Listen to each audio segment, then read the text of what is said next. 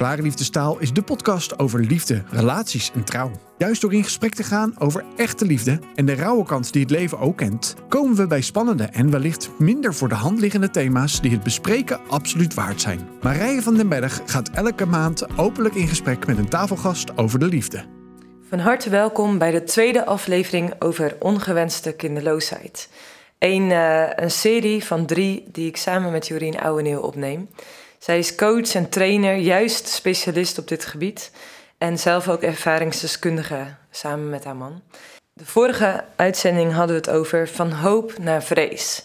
En vandaag gaan we het hebben over door de wanhoop heen. We hadden het over hè, de, het verwachtingsvolle wat jonge stellen hebben als ze getrouwd zijn.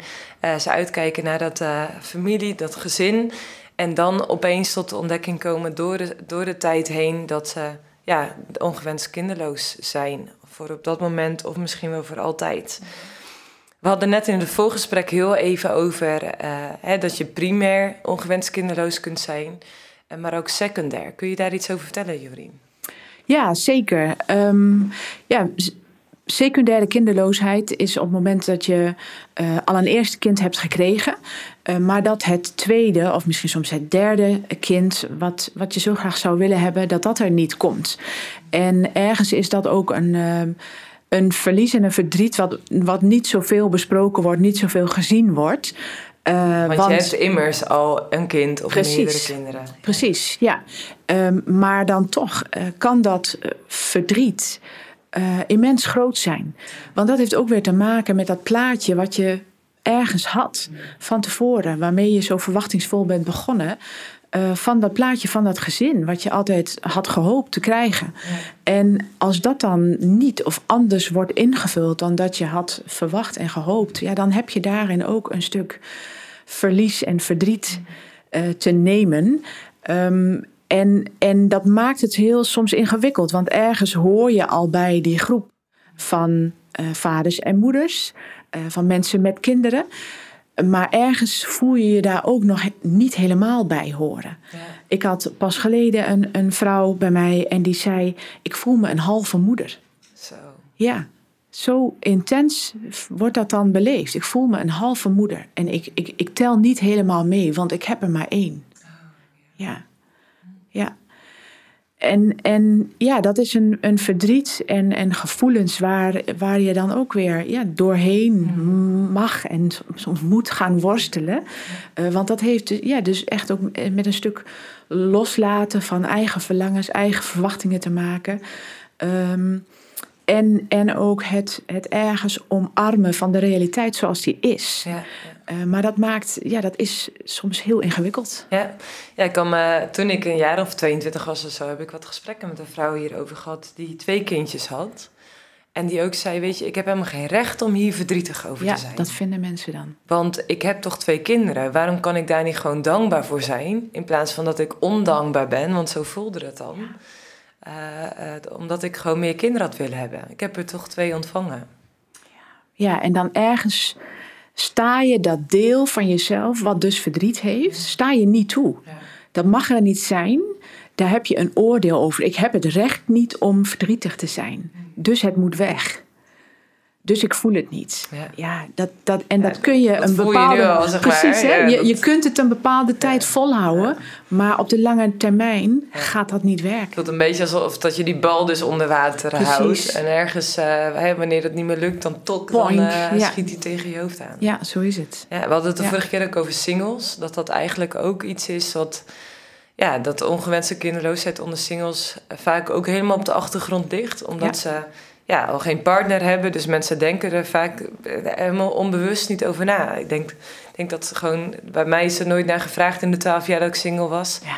Maar ook wel omdat mensen daar gewoon helemaal niet over nadachten, denk ik. Gewoon van, nou ja, iedere keer zei ze van... Hé hey, Marij, ben je niet te kritisch voor een partner? Uh, uh, geen handvol, maar een landvol. Nou, dat is niet helemaal waar. Dat soort, ja. En uh, natuurlijk heel veel van dat soort opmerkingen van, weet je, ja, ligt het niet gewoon aan jezelf of wat dan ook. Nou, het is natuurlijk veel complexer om Zo. een partner te vinden. En Zo.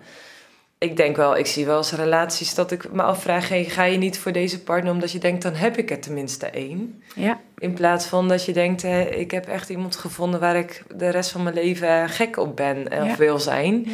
Ook door de stormen heen, tuurlijk. Het is Ja. niet alleen maar roze geur en maneschijn. Maar eh, ja, ik ben nu enorm gelukkig en eh, eh, dat is natuurlijk heel bijzonder. Nou, super dat ik waardevol. dat heb mogen vinden. Maar het is wel dat ik echt mezelf realiseer van ja, het is zo'n onbespreekbaar thema eigenlijk ook. Absoluut, absoluut zeker. Dus het is gewoon belangrijk dat, dat we dit nu bespreken, dat Ja, deze podcast ja, er is. En dat het ja, meer kenbaar gemaakt wordt. Ja. Hey, en dus we zijn nu eigenlijk op het punt beland van hè, wanneer, eh, wat gebeurt er als die hoop dus eigenlijk omslaat naar vrees. Mhm. Van wat als we Ja. geen kinderen kunnen krijgen. En waarin je de vorige keer ook zo zei van... Het is zo belangrijk om al die verliesmomenten van bijvoorbeeld elke maand weer ongesteld worden. Of de miskramen die er geweest zijn. Of de mislukte ehm, ziekenhuisbehandelingen, zeg maar. Om al die verliezen eens aan te kijken. Ja. En daarbij is het niet per se zo dat je zegt: hey, ik moet accepteren dat ik nooit meer kinderen zal krijgen. Maar het gaat juist veel meer over het, het een plek geven van de, van de pijn en het verlies. van al die gebeurtenissen van, van het verleden. Precies. Nou, precies. dat is eigenlijk waar we het vandaag over gaan hebben. Dus juist door de wanhoop heen. Ja, ja. Kun je ons meenemen? Ja, want dit is wel echt ehm, de moeilijkste fase. En, en, en ergens zit er iets in ons mensen wat het liefst gewoon de pijn en verdriet en al die ongemakkelijke gevoelens die dat met zich meebrengt, die dat wil eh, overslaan, die dat wil vermijden. Ehm, en dan ja, is het ook heel vaak de, de, de oversprong, zeg maar, die mensen maken vanuit fase 1. En dan hup, eigenlijk willen ze het liefst meteen door naar, de hoop. fase 3 Ja. naar de nieuwe hoop en, en, en, eh, en maar voorbij gaan aan, ja, aan deze fase, namelijk er doorheen. Ehm, en, en dat moment van er echt doorheen gaan, dat is echt iets ehm, per persoon, per individu, per individu ontzettend afhankelijk eh, en verschillend. En ook ja, wanneer dat dus zo is en, en hoe lang dat voor iemand duurt en eh, hoe diep dat is. Eh, hoe diep je daar zelf doorheen kunt en wilt gaan. Ehm, dat maakt het soms ook heel ja, ingewikkeld, ook wel eens in de, in de coaching. Merk ik ook wel eens dat, er, dat ik met mensen spreek en, en die voelen van ja, ik, ik moet er doorheen. En dan gaan we met eh, daarmee aan de slag. En, en, maar ergens zit er ook nog een stuk weerstand. Ergens is er nog niet die bereidheid om de diepte van de pijn echt te gaan voelen. Zijn mensen niet daar ook ontzettend bang voor? Ja, ja. Dat ze dus een beerput opentrekken waar, Mm. waar zoveel verdriet in zit, waarvan ze bang zijn dat het te veel is. ja klopt. Dus- Dat het te ja. overweldigend is. Ja. ja, dat is heel herkenbaar inderdaad. Er zit, zit vaak een, een, een ontzettende angst voor wat als ik me hier aan ja, eh, ga overgeven. Wat als ik het allemaal op me af laat komen, blijf ik dan nog wel staan? Kan ik dan nog wel de dingen doen? Kan ik dan nog wel blijven werken? Ehm, of, of, of zak ik er helemaal in? En nou, wat ik heel vaak doe, is, is dan eh, erbij blijven en zeggen: Weet je, maar we doen het samen. En, en je gaat er, je, het feit dat je hier bent en dat we er hier nu over praten en dat je hier nu ruimte maakt voor verdriet, is al een stuk van het rouwen. Eh, en en ehm, ja, en dan ook kijken naar inderdaad die angst. Van waar komt die vandaan? Die angst dat je zo bang bent om, om er helemaal aan onderdoor te gaan. Eh, en soms kom je er dan ook achter, eh, hè, wat je net ook al zei, je kijkt naar de verliezen die je tot nu toe hebt geleden, maar soms ga je ook nog een stukje verder naar het verleden. Van wat is daar nog meer gebeurd? Eh, heb je al eerder soortgelijke gevoelens gehad dat je, dat je, dat je door het ijs zakt, ik noem maar even hè, zo'n voorbeeld, of, of in, de, ja, in een hele donkere periode bent terechtgekomen? En is dat iets waarvan je nu misschien in jezelf hebt gezegd, en dat ga ik nooit meer doen? Ja, dan, dan wordt het heel moeilijk. Dan wil je het het liefst natuurlijk voorkomen. Ja, ja. Ehm, en dan gaan we dus eerst dat soort dingen bekijken en adresseren. En, en, en ergens ook zeggen van oké, en is dat gevoel en die gedachten, zijn dat dingen die je nu misschien los kunt laten? Kunnen we daar andere gedachten tegenover zetten. Waardoor we het voor jezelf makkelijker kunnen maken om de gevoelens die er nu zijn wel welkom te heten. En wat voor gedachten zijn dat dan die daarin kunnen helpen? Ehm, nou, dat kunnen dan bijvoorbeeld gedachten zijn als van. ehm, soms merk ik bijvoorbeeld dat er cliënten bij mij komen en die, die vinden het bijvoorbeeld heel moeilijk om, ehm, om op kraamvisite te gaan of naar een babyshower te gaan. Hè. Als je ergens voor jezelf hebt geconstateerd: het gaat bij ons moeilijker dan dat we verwacht hadden. Het is zo. En die realiteit moeten we accepteren. En dan kan het nog best wel zijn hè, dat mensen in een fertiliteitsbehandeling zitten of wat dan ook. Maar dan kunnen dat soort dingen, zoals gaan naar een babyshower of gaan naar een kraambezoek, heel confronterend zijn. En dan, dan gaan ze er dus naartoe met het idee van: ik ga daar nu naartoe en ik ga niet mijn tranen laten zien. Ik mag niet mijn tranen laten zien, want ik mag de situatie daar Niet ongemakkelijk Precies, ja. En, en ik ga niet de aandacht op mij vestigen, eh, want ik moet daar blij zijn. Want dit is een blije situatie en mijn je verdriet mag er ooit hier niet zijn. jezelf vragen? Ja, oh Dat ja. is toch heel heftig? Ja, maar dat, dat gebeurt. Ja. Ehm, en, en, en dus gaan mensen daar keihard hun best lopen doen, zeg maar. Ontzettend veel gevoelens tegen lopen houden eigenlijk. Die er wel zijn, maar die van hunzelf op dat moment er niet mogen zijn. Eh, dat wordt weggestopt. En ja, dan kom je doodmoe thuis. Of dan kom, zit je al in de auto en, en, en zak je helemaal in elkaar. En, en, en eh, ja, wo- of word je overspoeld door je verdriet, zeg maar. Ehm, en, maar dat komt dan dus vanuit dat, die gedachte en een stukje oordeel wat daar dan voor jezelf over zit. Van dit mag hier niet, dit kan ik niet maken. Ehm, en dus dan wordt het weggestopt. Terwijl ja, een gedachte die dan dus zou kunnen helpen is van... ehm, er mag blijdschap zijn, maar verdriet mag er net zo goed zijn. Ehm, en ik, mijn tranen of mijn verdriet, eh, die komen eventjes. En daarna zakt het ook wel weer af. Hè, want dat is dan vaak een, een gedachte van... Oh, maar als ik hier nu aan toe ga geven... als ik die gevoelens daar ga voelen... dan blijf ik daar de hele tijd Ja. verdrietig Maar dat zitten. gebeurt natuurlijk op het moment dat ze dus dat wegstoppen en dan in de auto's eh, stappen en daar in elkaar zakken en daar echt hartverscheurend wellicht huilen. Ja, Eh, wat dan wellicht een, een secundaire emotie is in plaats van die primaire, precies. die eerste emotie die je voelt en die opkomt en die weer gaat. Precies, precies. Maar die er dan wel even mag zijn. Ja, en heel vaak mag dat er dus niet zijn. Dus die wordt afgekapt. Die primaire emotie, die pijn, die het verdriet, het gemis wat even geraakt wordt. Ja, en dat, dat is logisch als je zo'n klein kindje ziet. En je zelf zo'n groot verlangen hebt om dat ook te krijgen. Dan, dat, het is logisch dat je verdriet daar geraakt wordt. En dan dus ook het jezelf toestaan dat dat primaire verdriet er even mag zijn. En wat jij zegt, dat die tranen mogen komen, dat dat even een golfbeweging is die je voelt en, en die dan ook weer afzakt, zeg maar. Op het moment dat je dat kunt doen, ja, dan maak je het voor jezelf zoveel makkelijker. Eh, want dan heb je al die secundaire gevoelens niet. Dan heb je die vermoeidheid veel minder eh, dan dat je al die gevoelens tegenloopt te houden. Ja. Maar dat is wel een hele weg om daar te komen wellicht.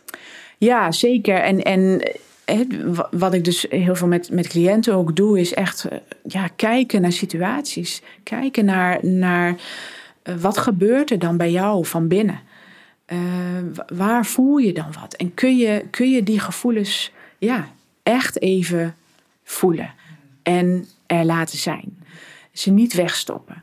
En zo dat bewustzijn, die bewustwording daarop vergroten, zodat daar ook meer ja, keuzevrijheid is om op dat moment te kiezen van en nu kies ik er wel voor om even mijn tranen te laten zien. En soms zijn er situaties waarin je dat gewoon bewust even niet doet.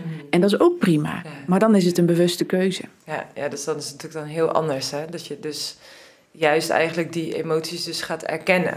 Ja, precies. Is, is erkennen daarin een sleutel? Ja, ja. Echt, echt erkennen en, en ook je eh, ja, toestaan, zeg maar. Het, het toestaan om, om verdrietig te zijn, om, om jaloers te zijn. Hè, dat klinkt heel raar, Ehm, maar jaloersheid is in, in, in dit geval gewoon ja, een emotie die, die er is. En daar zit ook weer Heel een veel oordeel op. op. Ja, Ja, enorm. want dat Ja. mag niet. En dat is slecht. En oh, wat erg dat ik dat doe. En dat ik zulke gedachten heb. Ja, ja. Maar ze zijn er. En waar komt dat vandaan? Ja, dat, Waarschijnlijk van een heel stuk pijn. ja Verlies. maar ook vanuit verlangen. Ja. En, en jaloersheid is, is ook soms een, st- een stukje eh, boosheid. Boosheid van hè, waarom het bij de een wel zo is en bij jou niet. Ehm, en en nou, die boosheid is, nou, dat, mag dat er ook zijn? Ja, dat, vol- ik vind van wel dat dat er mag zijn. Ehm, en, en jaloersheid is, is ook, noem ik wel vaak, de achterkant van het verlangen omdat jij dat ook zo graag wil. Ja, dus eigenlijk die medaille die je dan hebt, zeg maar. Dus aan de ene kant is verlangen en als het verlangen, zeg maar, geraakt wordt, gewoon ook in, in wat je dus ziet in iets wat een ander heeft en jij niet. Ja, Dat dat zo daarin zo verbonden kan zijn met die, dat gevoel van jaloers zijn. ja precies. Ja, met die, met die pijn. En Dus dat het is maar net hoe je dat framet, hoe je dat bekijkt. Zie je dat als een onvervuld verlangen wat geraakt wordt? Of zie je dat dus, hè, en veroordeelt dat dus als jaloezie? Ja, in jezelf. En dan ergens, ja, dan mag dat stukje er dus ook weer niet zijn. Dus hup, het wordt weggestopt. Ehm, en, en het wordt niet gevoeld. Ja, waardoor je je weer sterker moet voordoen. Waardoor dat verdriet er niet mag zijn.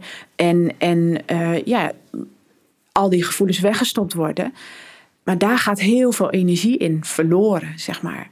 En op het moment dat je die gevoelens er even kunt laten zijn. Ze kunt erkennen van, oh ja, die jaloezie, ja, dit is, ja, dat is er nu gewoon eventjes zo. En oh, waar is dat dan aan gelinkt? En dat je dat zelfs dan, dan, en je kunt je dat zelf toestaan. En je kunt ook bedenken van, oké, hè, en wat ga ik hier nu mee doen vervolgens? Hè? Want dat is wel een belangrijke stap. Ehm, en wat ga ik hier nu, wat vind ik hiervan en wat ga ik hier nu mee doen? Nou, dan kun je gewoon zeggen: Ja, ik erken dat ik jaloers ben. Wat vind ik hiervan? Ja, ergens vind ik het eh, vervelend. En eh, vind ik eigenlijk dat, ik het, dat het er niet mag zijn. Maar ik snap het ook, want hè, het komt vanuit mijn verlangen. Dus wat ga ik hier nu mee doen? Het is zo. En het- ik, ik heb het even aandacht gegeven. Het mag er even zijn. Eh, maar nu kies ik ervoor om me daar niet door te laten leiden.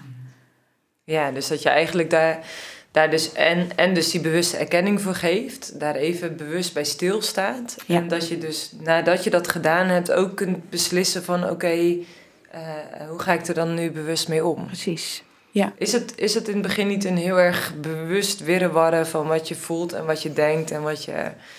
Dus je, je trekt mensen eigenlijk een beetje in een reflectiemodus Ja.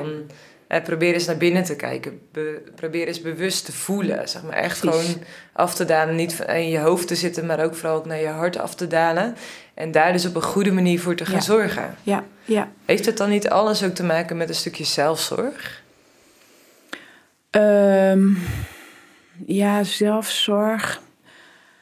Ik denk heel erg wat je zegt inderdaad, met, dat het heel erg met dat bewustwording te maken heeft. Ehm, en wat ik heel erg doe is, je, je schiet op zo'n moment, op, op momenten dat je geconfronteerd wordt, op momenten dat je verlies geraakt wordt, vaak in, in gebaande paadjes die er liggen in je Van gedachten die neuropaden. van die neuronetten inderdaad die er liggen. En, en dan neem je dat gebaande pad, wat voor jou altijd bij, bij wijze van vanzelfsprekend was, zeg maar. Ehm, en, en wat ik doe ook in, in mijn praktijk, is gewoon met elkaar dat inzichtelijk maken. Van hé, hey, en hoe werkt dat dan inderdaad in jouw binnenwereld? Wat gebeurt er dan?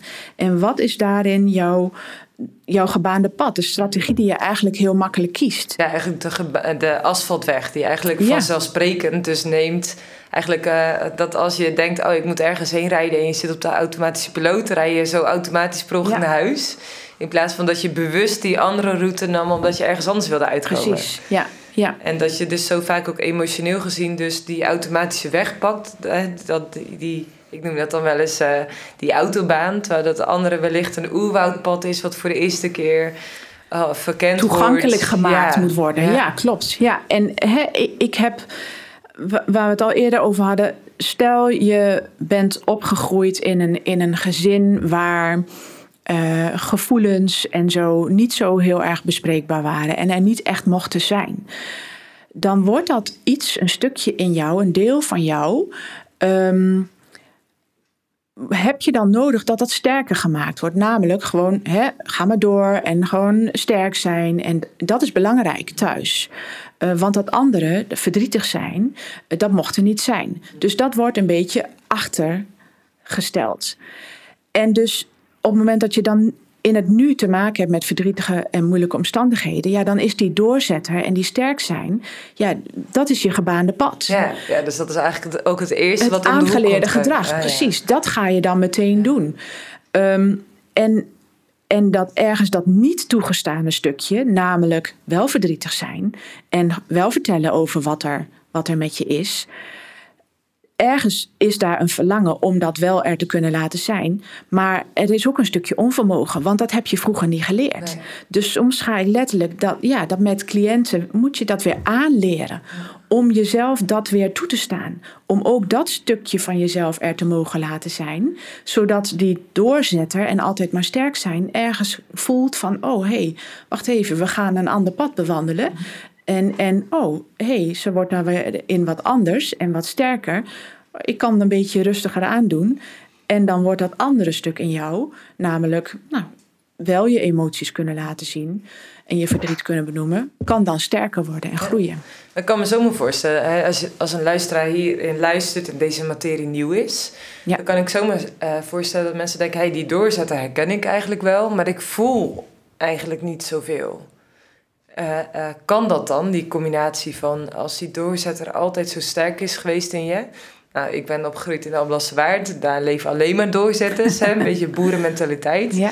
Ik kan zelf doen, ik red me wel. Hè, Vooral als je opgroeit, uh, even, net als mij, op een boerderij, dan, dan ben je gewend om gewoon hard te werken met elkaar en met elkaar ergens voor te gaan. En ja, emoties zijn dan nou ja, niet altijd heel erg behulpzaam. Ja. Lijkt het in ieder geval. Ja.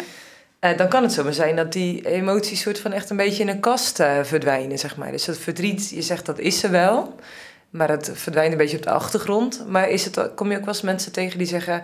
ja, ik voel eigenlijk helemaal niet bewust iets... Um, ja, en, en dan is het nog, nog, uh, nog ingewikkelder soms inderdaad. En dan is het, uh, het, is het heel erg nodig om, om daar weer ergens contact mee te kunnen gaan maken. En dan is het echt ook, ook soms hè, uh, heel bewust worden en mensen ook in oefeningen doe ik dat dan ook gewoon echt bewust laten maken van wat gebeurt er eigenlijk dan in je lijf bijvoorbeeld. Mensen zijn zich soms ook helemaal niet bewust van hun lijf. Want heel vaak emoties, de eerste signalen gebeuren in je lijf.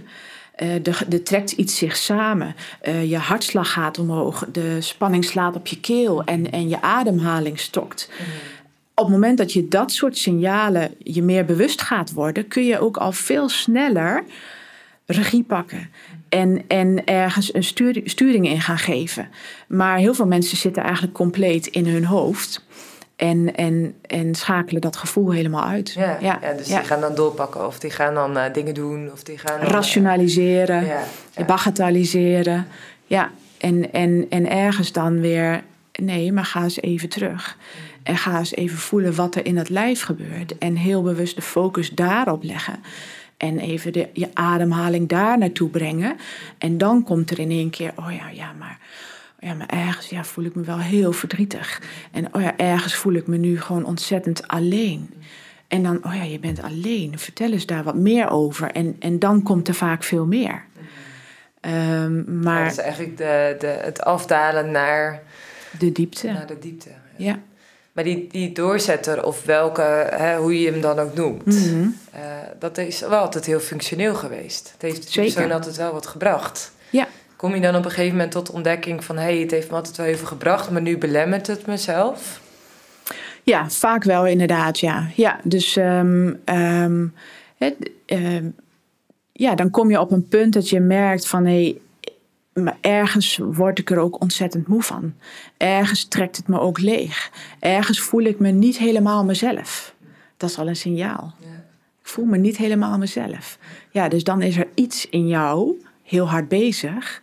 En vaak heeft dat dan te maken met een masker opzetten, met je sterker voordoen dan dat je bent, met inderdaad je gevoelswereld een beetje afsluiten.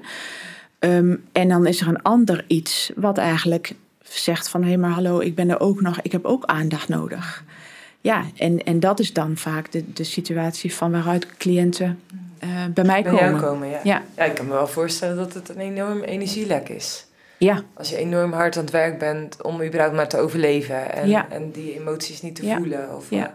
de angst ook die het geeft van ja, maar wat als ik dat inderdaad ga voelen? Overspoelt het me dan niet? Of is het dan niet Precies, veel? precies. En ja, heel veel mensen gaan dan ook eerst al eh, een stuk ja, van die gevoelens proberen te dempen. Dus door nog maar harder door te gaan, door nog maar harder te sporten. Of soms door eten, of door drinken, of door drugs. Dus, eh, dus Het ja, zijn eigenlijk copingmechanismen. precies. Ja, ja. En eh, eh, wat voor copingmechanismen heb je dan ook eh copingmechanismen die je wel wat brengen, die wel gezond zijn? Of zeg je van hey, coping is een manier van to cope is natuurlijk het Engelse woord van hey, hoe ga je nou om met dingen? Hoe kun je omgaan met dit soort situaties in je leven? Ehm, door, door bewustwording. En, en ehm, dingen overkomen je. Net zoals dit, ongewenste kinderloosheid, daar vraag je niet om. Dat overkomt je. Daar, daar ga je mee dealen met de middelen die je hebt. Met de manieren die je hebt geleerd. Dus dat heeft dus, wa- wat ik al eerder zei, heel erg ook te maken met wat je vanuit vroeger daarover hebt geleerd. Eh, wat toegestaan was en wat niet. En, en dus daar ga je mee aan de slag met de middelen die je hebt. En dan, naarmate het langer duurt, ga je er tegenaan lopen dat je voelt van hé, hey, maar ergens ontbreekt er hier misschien toch wel wat. Ergens heb ik dat helemaal, niet helemaal goed geleerd. Ergens gaat er hierin iets mis. Ja, en dan eh, is er de noodzaak om ermee aan de slag te gaan. Hoe was dat voor jou? Ehm, ja, ik, ik, ik herken me ook wel erg in die, in die doorzetter.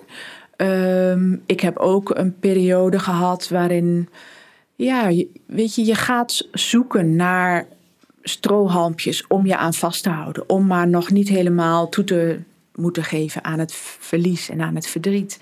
Dus eh, ja, ik ging me ook op werk richten. Ik werkte toen de tijd bij de ABN AMRO Bank. Nou, dat was een goede werkgever. eh, Veel mogelijkheden tot ontwikkeling en, en groei in de carrière. Dus ik stortte me daar eigenlijk op. En, en ik, ik maakte die groei ook door. Ik ging leiding geven. En ja, dat was allemaal eh, mooi en goed. Maar ergens voelde ik ook al wel van ja, maar dit brengt me niet de voldoening die ik eigenlijk nodig heb. Eh, ik voelde gewoon ja, het verdriet. Ehm, en, en ergens voelde ik ook al een zeurende pijn heel lang in mijn rug. Eh, want vaak emoties die niet gezien en gevoeld worden, die gaan zich ook ergens vastzitten in je lichaam. En bij jou was dat in je rug? Bij mij was dat in mijn rug. Somatische rug. Absoluut, absoluut. Ja, steeds weer terugkerend. En dan maar weer naar de chiropractor en dan weer naar de fysio. En, maar, maar het waren gewoon emoties die gevoeld moesten worden. Dus bij mij was dat echt in 2009. We hadden ja, de, die fertiliteitsbehandelingen erop zitten. We hadden een heel traject al achter de rug van misschien toch nog gaan kijken of adoptie iets voor ons zou zijn. Nou, dat, daar werden we niet echt enthousiaster van. Dat, dat, dat ging bij ons niet aan, dat gevoel. Dus dat, dat gingen we ook niet mee door. Ja, en toen dacht ik echt, ja, maar en wat nu dan? Want dat waren allemaal nog, ja, Ja, wat ik zeg, strohalmpjes, strohalmpjes ja. geweest. En wat nu dan? En nu ligt, ligt die hele toekomst gewoon voor ons. En blijven we dan altijd met z'n tweetjes? En, en wie ben ik dan nu ergens? Ook dat gevoel. Wie ben ik dan? En wat ga ik dan doen? Blij- Blijf ik dan altijd dit doen wat ik nu doe? Nou, bij die, bij, bij die bank, nou ja, dat, nee, dat bracht me geen vervulling meer.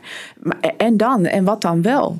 En dat was voor mij echt het moment waarop ik gewoon er doorheen moest, zeg maar, die tweede fase met al die gevoelens. Ik vind het wel heel bijzonder, want ik weet van jou dat je dat zelf bent doorgegaan. Ja. Dat je zelf wist, hey, als ik hier doorheen moet, dan moet ik daar diep doorheen.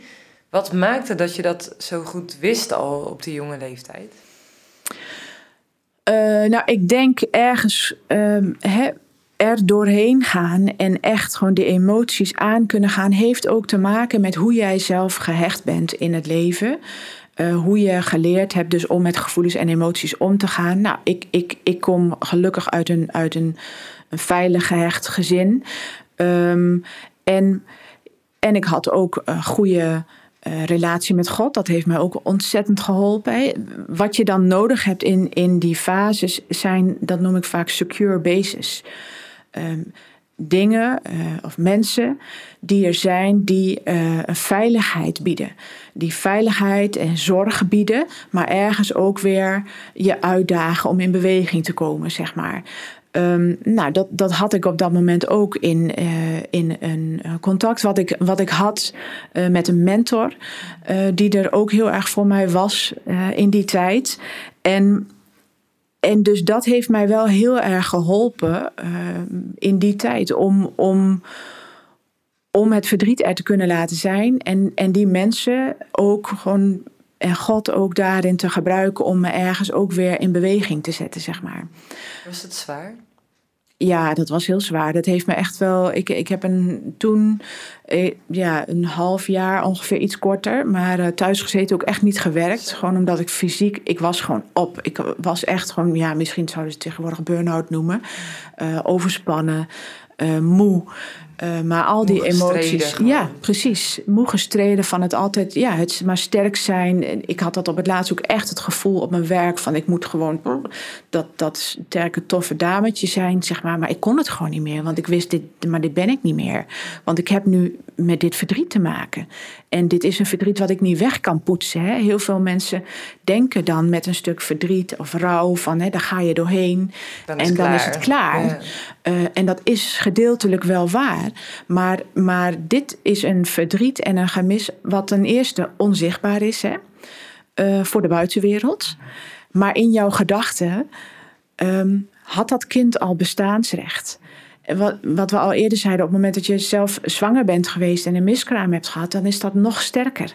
Dan ga je al helemaal bedenken: oh ja, daar komt de wieg, daar komt de box. Uh, zo gaat het eruit zien. Ja. Namen ga je al over nadenken. Dus in je gedachten heeft het al bestaansrecht. En, en is het al een realiteit voor jezelf. Dus, um, maar voor de buitenwereld niet. En dat maakt het soms heel ingewikkeld. En dat is het ten eerste. Het is een onzichtbaar verlies en het is een levenslang verlies. Want het gaat in alle fases van je leven mee. Uh, ik merk nu dat ik ouder word, zit, zit je niet meer zo in die hele baby-kinderfase, uh, maar zit het veel meer nu in de tiener. Uh, hè, vrienden, tienerleeftijd, vrienden van ons, mijn broers en zussen, die kinderen worden allemaal groter. En dan ga je voelen van, oh ja, hé, hey, maar, maar dat ga ik dus ook nooit meemaken. Nee, je krijgt nooit een tienerdochter. Precies. Waarmee je lekker koffie kunt drinken, de stad in kunt gaan en lekker met kleren en make-up en dergelijke bezig kunt zijn. Of ik ga nooit zien hoe die stoere knul van ons eruit zou hebben gezien. Mm. Ja, en, en dat, dat verdriet, zeg maar, dat voel je dan. En nou, daar gaat weer een volgende fase komen dat ik nooit weet, ja, studeren, trouwen, uh, kleinkinderen krijgen, dat gaat, dat gaat dan weer confrontaties met zich meebrengen. Want ja, dan ga je uh, over dat soort dingen wordt er dan gepraat in je omgeving waar ik niet over kan meepraten, mm. omdat ik niet weet wat het is. Hoe, hoe deel je daarmee met, met, met die cyclus die eigenlijk steeds weer terug blijft komen? Is dat ook wat je net schetst van hey, juist die emoties omarmen, ze te laten zijn, erkennen van hé, hey, dit is hoe ik me nu voel. Ja. Uh, uh, en dan vervolgens daar ook in te kiezen hoe je daar dus mee omgaat. Ja, precies. Ja. Wat werkt daarin voor jou? Wat kies jij dan? Nou, door soms echt even bewust uh, ja, er tijd en ruimte voor te maken. En toe te staan dat je, dat je gewoon je even verdrietig en ellendig voelt. Um, en dan ook wel weer, en, en dat is echt ook iets wat ik, wat ik steeds meer leer en zie, die bewustwording van, oh ja, maar hè, ik, ik laat me niet gijzelen door mijn gevoel. Um, ik laat me hierdoor niet vastzetten. Ik kan kiezen. En ik kan ook kiezen door inderdaad te erkennen wat er is, maar ook te zeggen, maar ik kies ervoor om verder te gaan. En om uh, een ander stuk van mezelf welkom te heten. Uh, Wat is dat stuk wat je welkom hebt gegeten? Ehm, wat is dat stuk wat ik welkom heb? Ja, zeg maar, toen in die tijd. Eh, ergens ga je, als je bezig gaat met een kinderwens, ook je identiteit daar een stukje van afhankelijk maken. Eh, zo van, nou, ik ben pas compleet en ik tel pas mee als ik, als ik kinderen heb. Eh, of als we kinderen hebben. Ehm, en ehm, toen moest ik heel erg ook gaan erkennen van hè, het is zo aan het eind van die eerste fase en dan door die gevoelens allemaal heen. En dus ergens ook weer terug naar die vraag van ja, maar wie ben ik dan ten diepste? En wat is mijn identiteit? En, en ik mocht dus daarin heel erg weer gaan ontdekken van ja, maar ik ben gewoon geschapen als vrouw. Eh, ik ben iemand die gewoon eh, ja, mensen in beweging kan zetten, die mensen kan inspireren en kan bemoedigen. Eh, ik ben iemand die nou, s- houdt van een stuk wijsheid en kennis overdragen, zeg ja, maar. Je bent echt heel eh, inspirerend, heel Ja, wijs. nou, dankjewel. Maar, maar dat mocht ik dus ook echt gaan omarmen als van... hé, hey, maar dit ben ik. En dit is van mij. En, en, en daarin mag ik eh, gewoon zijn wie ik ben. En daarin mag die- ik van uitdelen. Ja. Ik kreeg een beetje zo'n plaatje van Deborah onder haar eh, palmboom. Deborah, de richteres, Mhm. die, eh, die had een eigen boom waar ze altijd onder zat. En waarbij iedereen naar haar toe kwam Mhm. om wijsheid te ontvangen. Om gewoon dingen aan haar voor te leggen van... Hey, ja, zou je hier ook over willen delen? Mooi. Ja, wat is hier je inzicht in? Dat is echt ook Ja. gewoon... Ja, dat, datgene hoe jij ook bent. Gewoon Mm. een hele wijze vrouw die nou ja, in, je, in je coachpraktijk zit... waar iedereen welkom is. maar ook eh, natuurlijk ook binnen de gemeente ben je heel erg actief. Spreek je veel. Mhm. Dat is natuurlijk echt heel erg mooi. Mooi. Ja. En, en hoe worstel je hier? Weet je, zegt net van... hé, hey, ik had echt een hele eh, mooie relatie met God. Ik kon echt op God ook terugvallen. Ja. Ehm, ik kan me ook voorstellen dat dit ook een enorm strijdpunt is met God. Van heer, waarom... Hè, eh, als, als je bidt, zul je gegeven worden. Ja. God is een liefdevolle vader. Als je vraagt om een brood, zal hij je nooit een steen geven. Ja, ik kan me voorstellen dat als je je knieën eh, kaal gebeden hebt, eh, eh, dat, dat, je, dat je dan zo verlangt naar Heer, u zegt toch in uw woord dat u zou geven als je bidt. Ja. Hoe deal je daarmee? Ja, dat, dat is, zeg je juist. Dat is echt een, een enorme worsteling. En, en die heb ik zelf ook, ook heel erg gehad. En, en in eerste instantie... ehm, ja, heb je het dan ook gewoon echt nodig om, om ook dat gewoon te voelen en te erkennen. En, en echt die boosheid toe te laten en toe te staan. Eh, want vaak zit daar ook alweer een oordeel over. en, en dat al helemaal. wat ik dacht. Ja, Ja, ik- want, eh, ja, wa- en helemaal richting God. Van, oh, maar dat, ma dat mag je toch niet zijn. En je moet toch eerbiedig en dankbaar. En, eh, want dat zie ik ook heel vaak. Ja, maar ik heb nog wel heel veel om dankbaar voor te zijn. Ja, heel fijn en heel mooi. Maar dit is er ook. En daar mag je gewoon verdrietig en teleurgesteld over zijn. En daar mag je gewoon boos over zijn. Ehm, en en de, dat heb ik ook gedaan. Ik heb echt in die tijd waar ik over sprak, dat ik thuis zat, gewoon, ach man, huilend op de vloer gelegen. Gewoon, ja, en, en echt wanhopig. Gewoon van, ja, van mijn verdriet en van waarom en eh, hoe dan nu verder. En, en die leegte zo voelen en, en die verlangens van, ja, van, van je hart, van je moederhart. Wat gewoon zo ja, daarna verlangt om, om, om die kinderen aan je borst te kunnen hebben, zeg maar. Ja, dat heb ik letterlijk aan de lijve gewoon echt gevoeld en daarmee geworsteld. Ehm, en, en wat je dan ergens heb je dan daarin op dat moment ook weer een keuze. De keuze om te zeggen: ik ga weg bij God. En ik, ik, ik doe dat niet. Ik leg mijn tranen en mijn verdriet en mijn boosheid niet bij God neer. Of de keuze om dat wel te doen. Ja, ik, heb de keuze gemaakt elke keer weer om dat wel te doen. Om alles telkens weer bij God neer te leggen en te zeggen: maar u weet wat ik nodig heb. U weet wat goed is. En u heeft ook met mij eh, een hoopvolle toekomst voor ogen. En, en, ehm, en op het moment dat je zegt van ik ga dat niet doen, ja, dan, dan, dan hou je het dus ergens bij jezelf. Die, die pijn, dat verdriet, dat heeft geen plek om naartoe te gaan. En dan vaak is het, ga je God ook ja, dan een soort van beschuldigen. kwalijk nemen, ja. kwalijk nemen. En, en, en ergens ja, een stukje boos en teleurgesteld zijn op God. En zeggen, ja, maar hij hoort me niet en hij doet niks meer. Nee, maar eh, vertel je het hem wel? Zeg je het hem wel? Deel je wel al je pijn en al je verdriet? Of ben je daarmee gestopt? En aan wie ligt het dan? Ja. Maar ik kan me zo me voorstellen, te- in 2018 heb ik natuurlijk dat ongeluk gehad. Nou, dat is best wel een worsteling met het thema lijden. Mhm. En waarom overkom je dingen? Eh, we willen als mens zijn eh, graag eh, lijden of pijn in ons leven begrijpen, kunnen verklaren. Ja. Is het niet zo dat ook heel veel mensen dan de oorzaak van de kinderloosheid ook bij zichzelf zoeken? Dat het een straf is of dat ze iets niet goed genoeg doen of dat ze tekortschieten richting God? Om maar te kunnen verklaren dat ze geen kinderen ontvangen? Ja, ja, ja dat gebeurt ook, ook regelmatig inderdaad. Om, eh, ja, en daar elke keer maar mee bezig blijven. Had ik niet de zus of zal het daarmee te maken hebben? En, ehm, en soms zijn dat signalen waar je echt wel, eh, die, die je serieus mag nemen. Want ja, soms heeft het gewoon met levensstijl te maken. Eh, en kan daar misschien nog best wat in veranderen. Eh, soms heeft het met onbeleden zonden te maken, die nog beleden moeten worden. Ehm, maar, en soms heeft het te maken met gebrokenheid. Eh, met de wereld waarin we leven, waarin we ieder van ons soms daar tegenaan lopen. Dat, dat er dingen zijn die je niet kunt verklaren, die je niet in de hand hebt. Waarom de een wel geneest en de ander niet.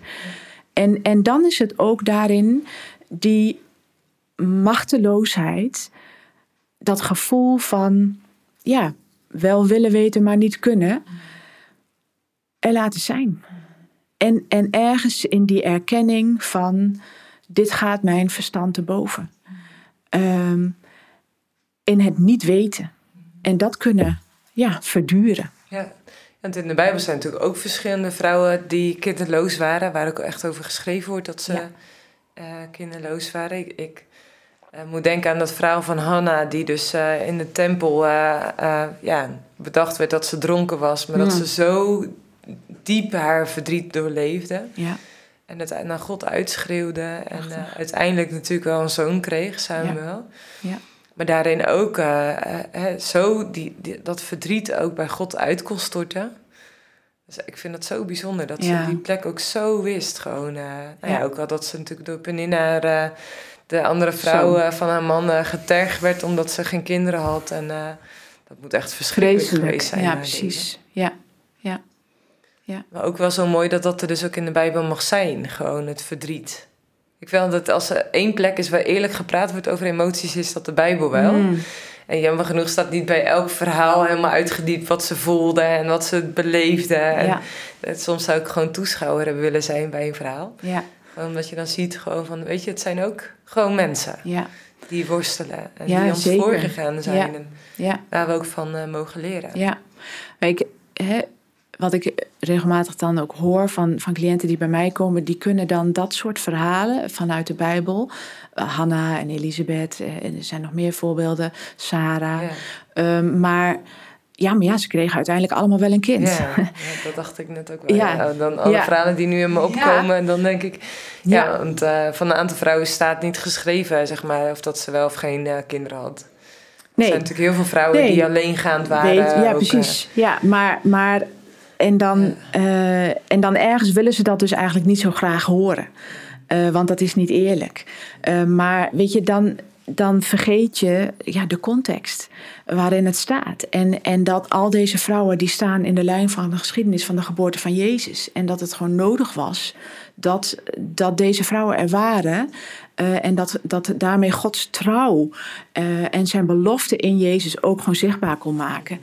En, en ehm, ja, wil je dat ook zo op die manier zien en het dan niet meteen ja, op jezelf betrekken. Ehm, maar dat, ja, als je midden in je pijn en je verdriet zit, dan is dat soms heel moeilijk, dat soort verhalen. Ja. Ja. En na dat half jaar, je zegt van ik ben echt ook een half jaar thuis geweest. Ik heb Mhm. soms echt op de grond liggen huilen, zo Mhm. wanhopig dat ik was. Ja. Ergens is daar toch een, een stuk berusting wellicht in gekomen. Of hoe, wat, hoe is dat gegaan? Ja, ja, wat ik al eerder vertelde, ik ben dus wel heel erg bezig gegaan met van hé, hey, en wie ben ik dan nu? En wat, uh, wat zijn mijn gaven en talenten? Dus, dus ergens ook een stuk gaan kijken naar wat is er wel in plaats van wat is er niet. He, als je je alleen maar richt op dat wat er niet is, ja, dan ga je alles daar ook in dat teken zetten. Ja. En dan, ook alleen nog maar zien. En nog maar zien. En dan wordt alleen maar groter. En dan wordt je, ja, dan wordt het wel niet. En zij wel en ik niet. Dat, dat, wordt alleen maar groter. Um, maar daar word je bitter van. Daar word je niet beter van. En ik ben uiteindelijk gaan kijken naar wat is er wel? Welke gaven en talenten heb ik wel? En hoe kan ik daarin uh, vruchtbaar zijn? En vrucht dragen. En, en God me daarin laten gebruiken. En, en dan ga je eigenlijk de, de stap naar die derde fase maken, naar ja, nieuwe hoop, zeg maar. Um, maar daarvoor is het wel echt nodig om, om echt ja, je verdriet te erkennen, om het echt te, te doorvoelen. Um, en door daarvan te kunnen gaan zeggen: ja, oké, en dit ben ik dus nu. Dit ben ik. En ik ben oké ik ben ongewenst kinderloos, maar het is ook oké. Ehm, en, en daarin ja, een stuk rust weer vinden. een stuk rust bij jezelf, uh, bij, bij de, dat je ergens weet van, oh ja, ik heb dus dat verdrietstuk in mij.